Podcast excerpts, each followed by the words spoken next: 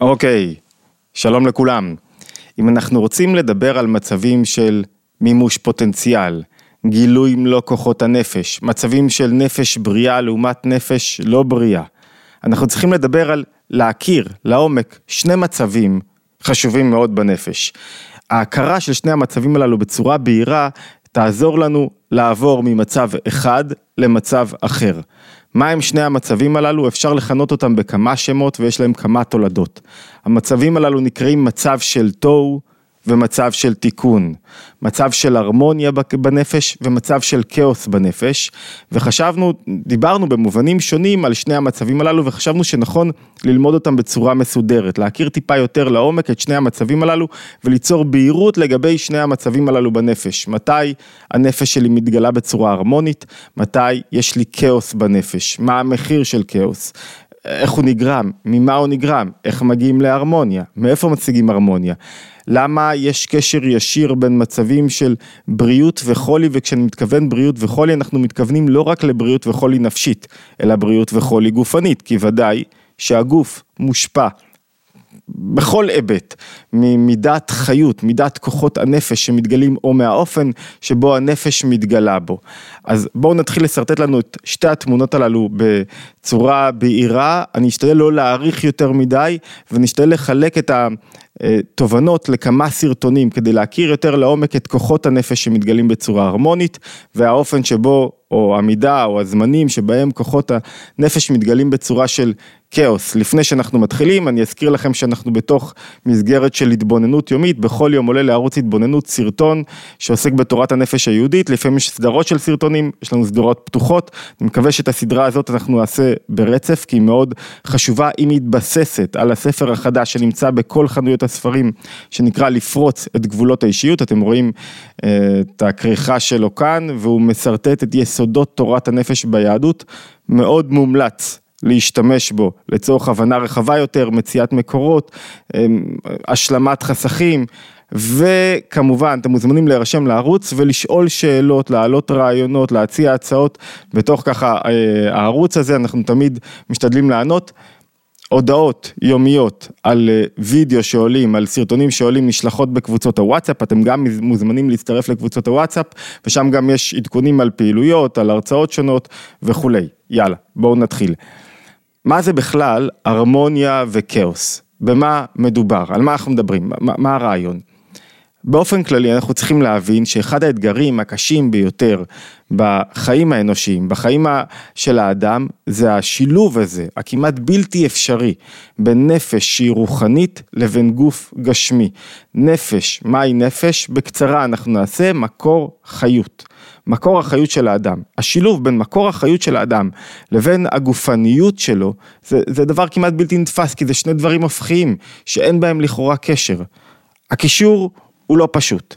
הקישור משתנה בכל יום, בכל רגע, בכל זמן. הקישור הזה בין נפש לגוף מתחיל עוד כשהאדם, לפני שהוא נולד. כל תהליך הלידה הוא תהליך של קישור נפש רוחנית לגוף גשמי. הנפש היא מקור החיות של הגוף. כל מי שראה אדם שנפטר, רואה אדם שיש גוף מלא, אבל אין בו מקור חיות. מקור החיות שלו, הנפש, עזבה עם כוחותיה.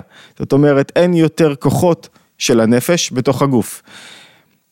מצב, והחיבור הזה בין הנפש לגוף, הוא לא מתקיים באופן חד פעמי ביום הלידה. זאת אומרת, יש חיבור בסיסי של נפש שמחיה את הגוף, נותנת לו חיים, אבל מידת הכוחות או מינון הכוחות שמתחברים בין הנפש לבין הגוף משתנה בכל יום, בכל שעה, בכל רגע. כשאני ישן, יש בי יותר גילוי של כוחות הנפש, יותר חיות, מאשר כשאני ער. מאשר כשאני, סליחה, מאשר כשאני ער, כן? כי כשאני ישן זה נקרא 1 חלקי 60 במיטה, יש בי רק מעט חיות. או בשפת אה, אה, החסידות שמביאה מהקבלה ומביאה מהגמרא, קיסתא דחיותא, מעט חיות יש לי בתוך הגוף. מצבים שאני ער, ממוקד, אה, עושה משהו מסוים, פעיל, אני מגלה יותר מכוחות הנפש בתוך הגוף, וכשאני מגלה יותר מכוחות הנפש בתוך הגוף, אני חי יותר, אני מתרגש יותר, אני מרגיש שאני יותר במצב של בריאות נפשית, יותר הרמוניה. בואו ננסח לנו עכשיו, לאור מה שתיארנו, מה זה הרמוניה, מה זה כאוס, מה זה תוהו, מה זה תיקון, מה זה בריאות, מה זה חולי. הרמוניה זה מצב שבו יש גילוי מתוקן של כוחות הנפש בתוך הגוף. יש זרימה של חיות שהיא מתאימה למצבים שונים, לזמנים שונים, ללא חסמים מסוימים. מצב של כאוס הוא מצב הפוך. יש חסימה בגילוי הכוחות של הנפש, או שיש כוח אחד שרוצה להשתלט על הנפש והוא מפריע לגילוי תקין של כוחות הנפש בתוך הגוף. דוגמה למשל, כשמישהו, הדוגמאות הרווחות, כשמישהו למשל מדוכא או עצוב, אז יש חסימה, יש מיעוט, יש הפחתה של גילוי כוחות הנפש בתוך הגוף, בתוך החיים האנושיים, ולכן האדם לכאורה נהנה מפחות חיות של נפש בתוך הגוף. כשהוא נהנה מפחות חיות של כוחות הנפש בתוך הגוף, מה קורה לו? הוא פחות בריא, כאילו הגוף מקבל פחות חיות, פחות הרמוניה. יש מצבים אחרים, או בכל המצבים בעצם, שיש כאוס, יש זרימה לא מתוקנת של כוחות הנפש, וכשהזרימה היא לא מתוקנת, האדם בקלות מגיע למצב של חולי גופני. למה חולי גופני? כי הגוף לא מקבל את מידת החיות המתוקנת. אנחנו מרגישים את זה היטב אחרי מצבים של כעס או סטרס. אנחנו מרגישים שאין זרימה נכונה של חיות. יש הרבה חסמים בנפש שלא מגלים לי את החיות בצורה נכונה. עכשיו זה לא משנה הסיבות כרגע, כרגע אנחנו מסתכלים כמו רופא שעושה בעצם, בודק את האנטומיה של כוחות הגוף, הוא מסתכל בעצם על זרימת הדם באיברים, על הפעילות התקינה של האיברי הגוף, אותו דבר אנחנו עושים לנפש, בזמן של סטרס אנחנו רואים שאין גילוי נכון של כוחות הנפש. מה מרגישים מיד אחרי סטרס? עצבות, עייפות גדולה, חוסר כוחות, אתה מרגיש שוואו אתה מפורק, כשאדם לא בסטרס הוא מלא כוחות, הוא פעיל כל הזמן. כשאדם בסטרס מהבוקר הוא עייף, קשה לו, כל מייל שאנחנו מקבלים זה התמודדות, הכל קשה, הכל כבד, הכל כאילו, מרגישים את זה היטב, את הקשר בין חיות, גילוי חיות לא נכון, בתוך הגוף. המשימה המתמדת היא לעבור ממצב של הרמוניה, סליחה, ממצב של כאוס למצב של הרמוניה בנפש. ממצב של גילוי לא מתוקן של כוחות הנפש, למצב של גילוי מתוקן של כוחות הנפש, ושתהיה לנו זרימה נכונה וטובה של כוחות הנפש בתוך הגוף. זרימה נכונה, איך זה מרגיש אצלנו? שאדם לא מרגיש את עצמו. שהוא מרגיש שהוא חי, אבל לא מרגיש שמשהו כואב לו, לא מרגיש שזה משהו יושב לו, הוא מרגיש בתנועה, הוא יוצר, הוא פועל, הוא עושה, הוא לא מרגיש שמשהו מכביד עליו, ולכן יש לו זרימה מתמדת של חיות, שמשתנה כל הזמן. הזרימה היא אף פעם לא קבועה. אמרנו, פתאום אני צריך לנוח, יש פחות זרימה, הכוחות שלי כאילו חוזרים למקורם והולכים לנוח, או הולכים להיטען מחדש. לא נתכנס כרגע לתהליך הזה, אבל הכוחות הולכים להיטען. אותו דבר כשאני בעצם עושה... משהו שרגע אני משחרר את עצמי, אחרי פעילות מאומצת של ריכוז שדורש ממני גילוי ממוקד של כוחות הנפש, אני פתאום רגע, יש לי איזה, אני חייב להתפזר רגע ושהכוחות כאילו יהיו מקיפים, אז, אז רגע אחד יש פחות גילוי או גילוי אחר שבו הכוחות חוזרים למקורם ויש גילוי אחר של כוחות הנפש. לכן המשימה המתמדת היא למנוע כאוס בנפש, וליצור הרמוניה בגילוי הכוחות, שגילוי הכוחות, ההרמוניה זה תמיד מצב משתנה. בואו נראה קצת על מה מדובר כשאנחנו מדברים על כוחות הנפש. מה הם בעצם כוחות הנפש שבהם אנחנו מדברים? כדי שנוכל להעמיק בהם, אז בואו נשרטט אותם באופן כללי, ראשוני ביותר. תגידו משהו על המצגת שהשקעתי הבוקר ו, אה, ועשיתי, אל, ת, אל תבקרו ואל תהיו שיפוטים מדי לגבי העיצוב, המקסימום שהצלחתי להוציא מעצמי. מהם כוחות הנפש שקובעים את היחסים? על איזה כוחות אנחנו מדברים?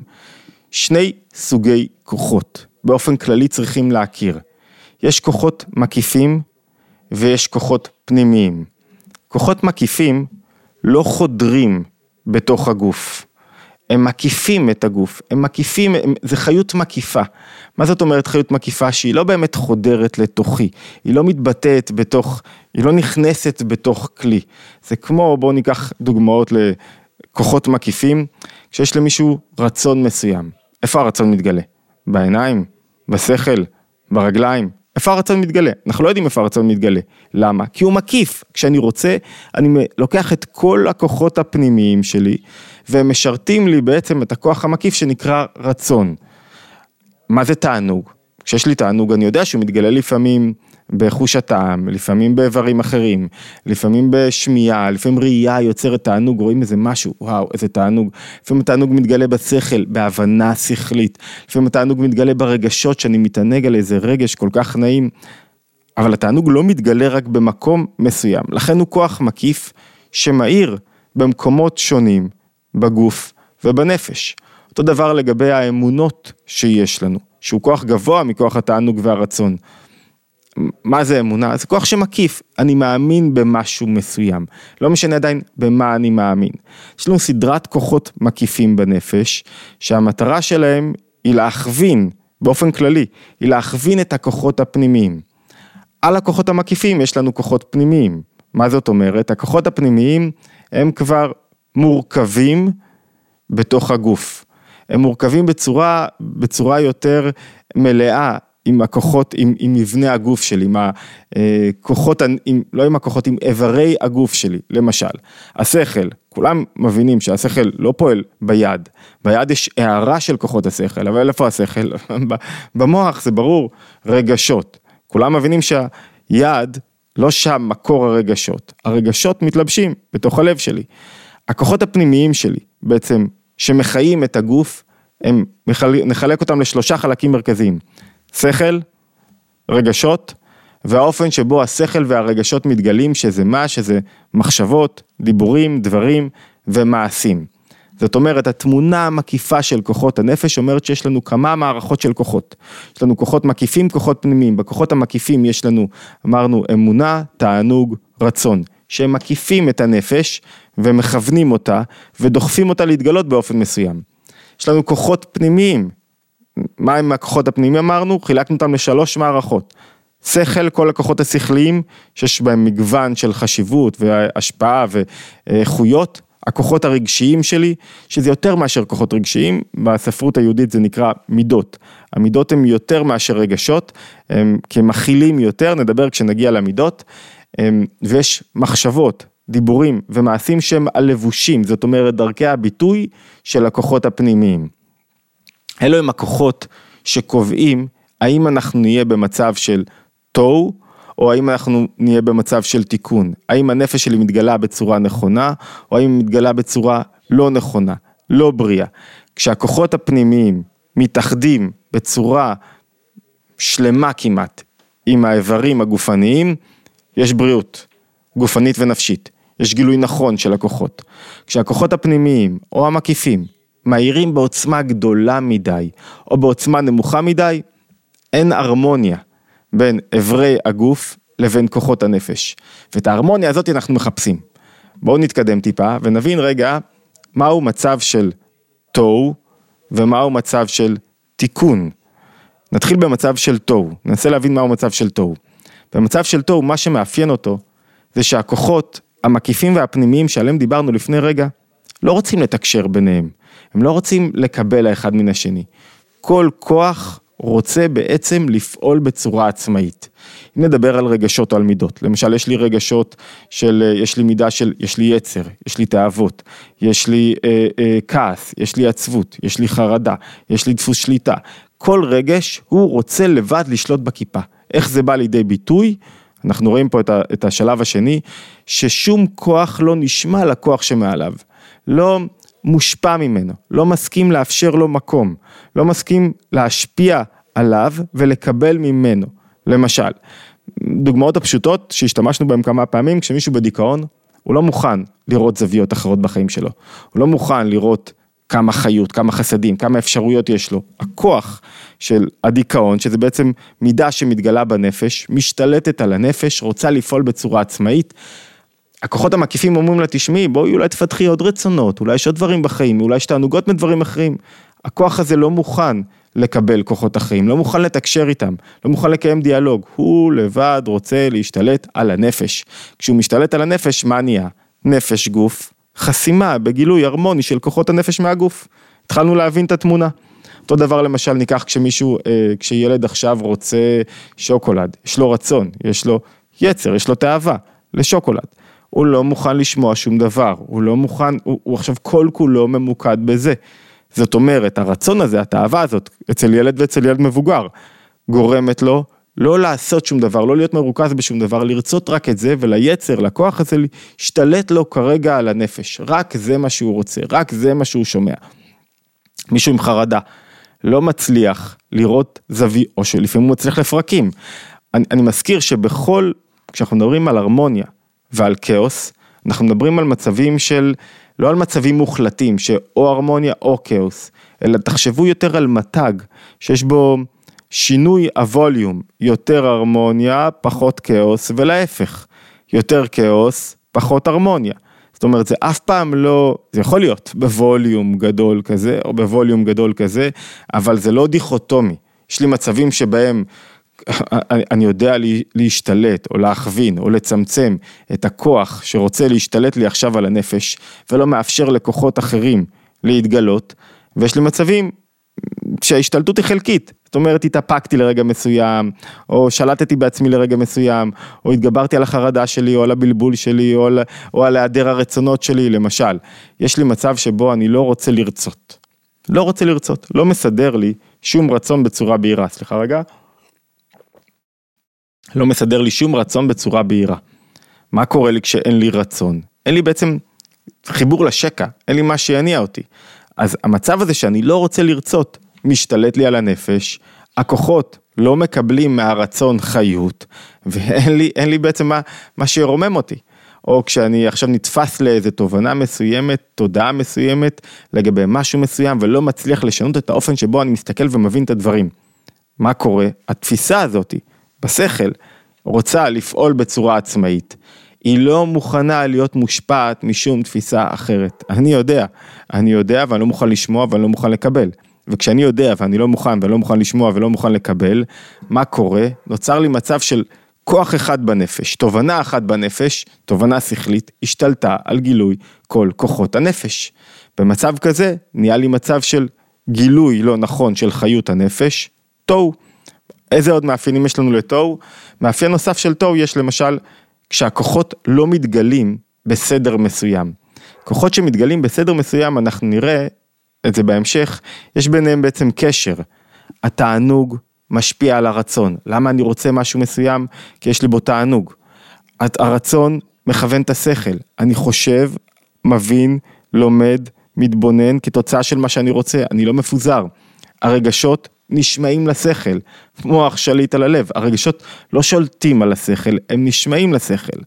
אותו דבר לגבי המחשבות, המחשבות לא בורחות בלי שליטה, לא מתנהלות בלי שיש להם בעל הבית, הן נשמעות לרגשות שלי ולשכל שלי. מה אמרנו? שבמצב של הרמוניה יש סדר פעולת כוחות. במצב של דיסהרמוניה אין סדר כזה. מה זאת אומרת אין? המחשבות נתחיל מלמטה למעלה בורחות לאן שהן רוצות. אני מדבר דברים שלא קשורים, לא באמת מאפיינים את מה שאני אומר, אני לא מתנהג בצורה נכונה, בצורה שמבטאת את מה שאני רוצה באמת, אני רוצה לצמוח, רוצה לגדול ואני כל היום יושב מעשן ומבזבז את הזמן. אני רוצה לגלות את הכוחות שלי ואני אני, אני כל היום מבזבז את הזמן במה שלא יהיה, ברשתות חברתיות. הרגשות שלי עומים בי וכל רגש משתלט עליי ולוקח אותי למקום אחר. השכל שלי לא ממוקד, אני לא מצליח לנצל את הכוחות השכליים, לא מצליח לכוון אותם, אבל יותר גרוע, השכל לא משפיע על הרגשות. זאת אומרת, התובנות השכליות שלי לא מעצבות ומכוונות את הרגשות. ושלא לדבר על זה שבעצם הכוחות המקיפים שלי, או שהם גדולים מדי, אני רוצה דברים שלא קשורים לעולמי, או שאני רוצה הרבה דברים, או שאני לא מכווין את עצמי וכולי, נדבר על מצבים פרטיים של חוסר גילוי כוחות הנפש בצורה סדורה בהמשך, אבל כרגע באופן כללי אנחנו מבינים מה זה, הנפש שלי בתוהו, יש חוסר סדר בנפש. מה עוד קורה בחוסר סדר בנפש? הכוחות הפנימיים שלי מהירים בעוצמה גדולה. אני כועס, אני אוהב, אני אוהב, אני רוצה, זה המון אני שם, הם לא מדודים, אני נעלבתי, נפגעתי, אני, אני מרחם על עצמי, אני קורבן, הכל בעוצמה גדולה מדי. כל מה שתיארתי כאן זה תיאור של התנהגויות, או ביטויים בעצם, של כוחות הנפש שלא מדודים, שלא מתגלים בצורה נכונה. ואז מה התוצאה? התוצאה של המבנה הזה, של התוהו, שהכוחות נפש לא מחברים את האדם לסביבה שלו. מה כל התפקיד של נפש שמתגלה בגוף? מה התפקיד? מה השליחות של כוחות הנפש? התפקיד והשליחות של כוחות הנפש שמתגלים בתוך הגוף זה מה? זה לקרב את האדם אל הזולת, אל האחר, אל המציאות, אל העולם, לחבר אותו, זה נקרא סדר השתלשלות, סדר השתלשלות של כוחות הנפש מהנפש לגוף. זה כוח שמאוד, זה סדרה של כוחות שהמטרה שלהם היא לא שיהיה אדם בודד עם נפש מנותקת, אלא כל המטרה של חיבור נפש וגוף זה ליצור אחדות בתוך העולם, לזהות את האחדות בתוך העולם, אחדות בתוכי, הרמוניה זה אחדות בין כוחות הנפש שנשמעים מאחד לשני, זה מצב הנכון ביותר, וההרמוניה ביני לבין הסביבה, חיבור שלי בסביבה.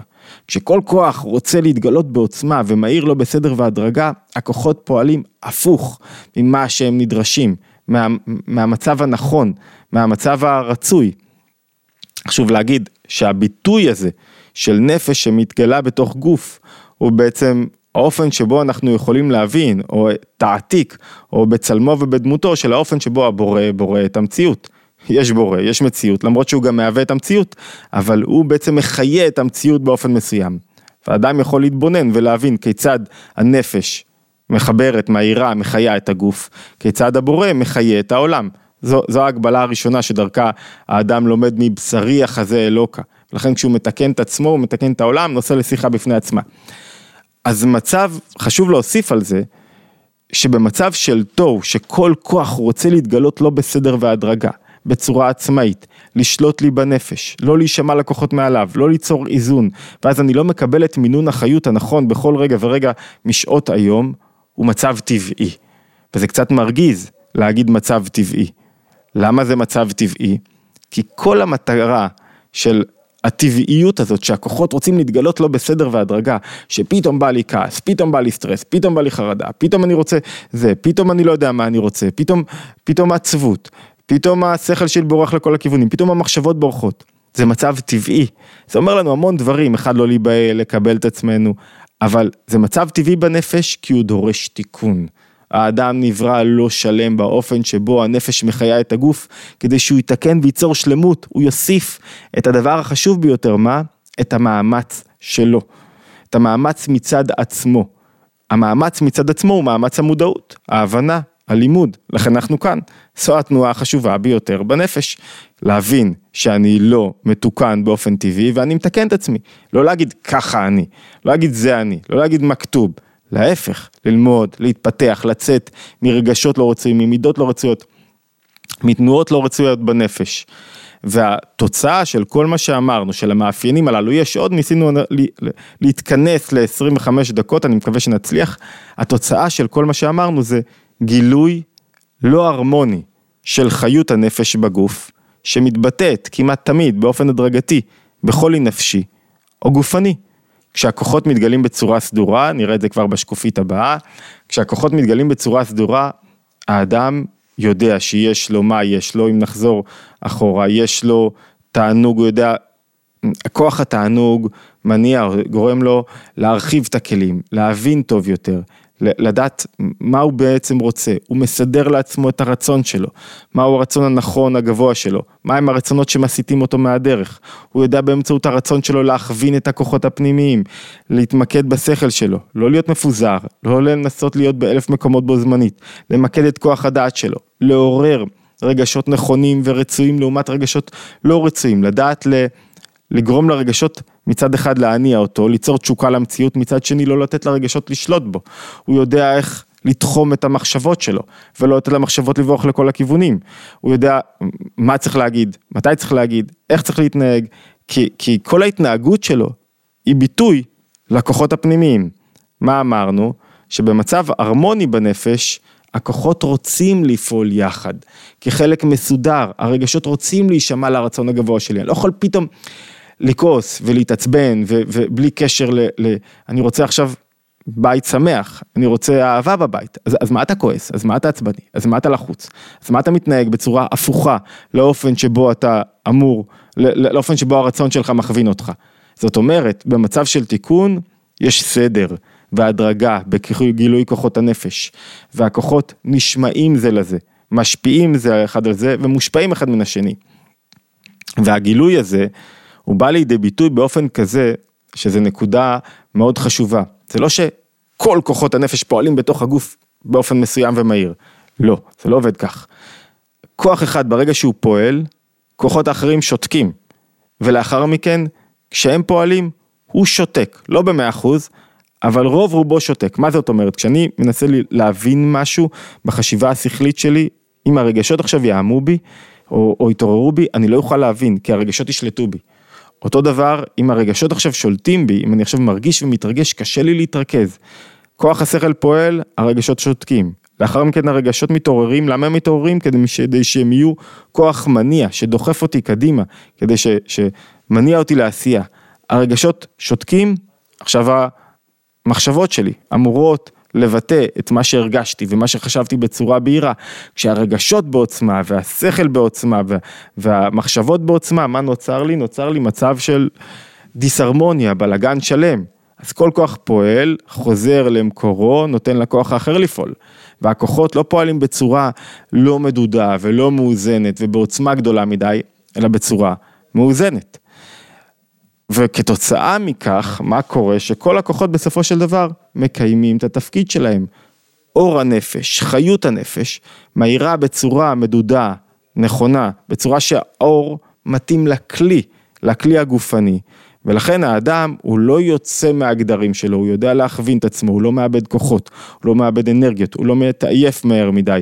התוצאה של כל זה, שהנפש משיגה את המטרה שלה. היא מתגלה בתוך הגוף בצורה נכונה, והגילוי הזה של כוחות הנפש בתוך הגוף יוצרים בריאות נפשית. ואמרנו כבר קודם לכן, שבניגוד למצב של תוהו, מצב של, וכאוס, מצב של תיקון והרמוניה, דורש מאיתנו מודעות, לימוד, הבנה, הוא לא מצב טבעי. למה?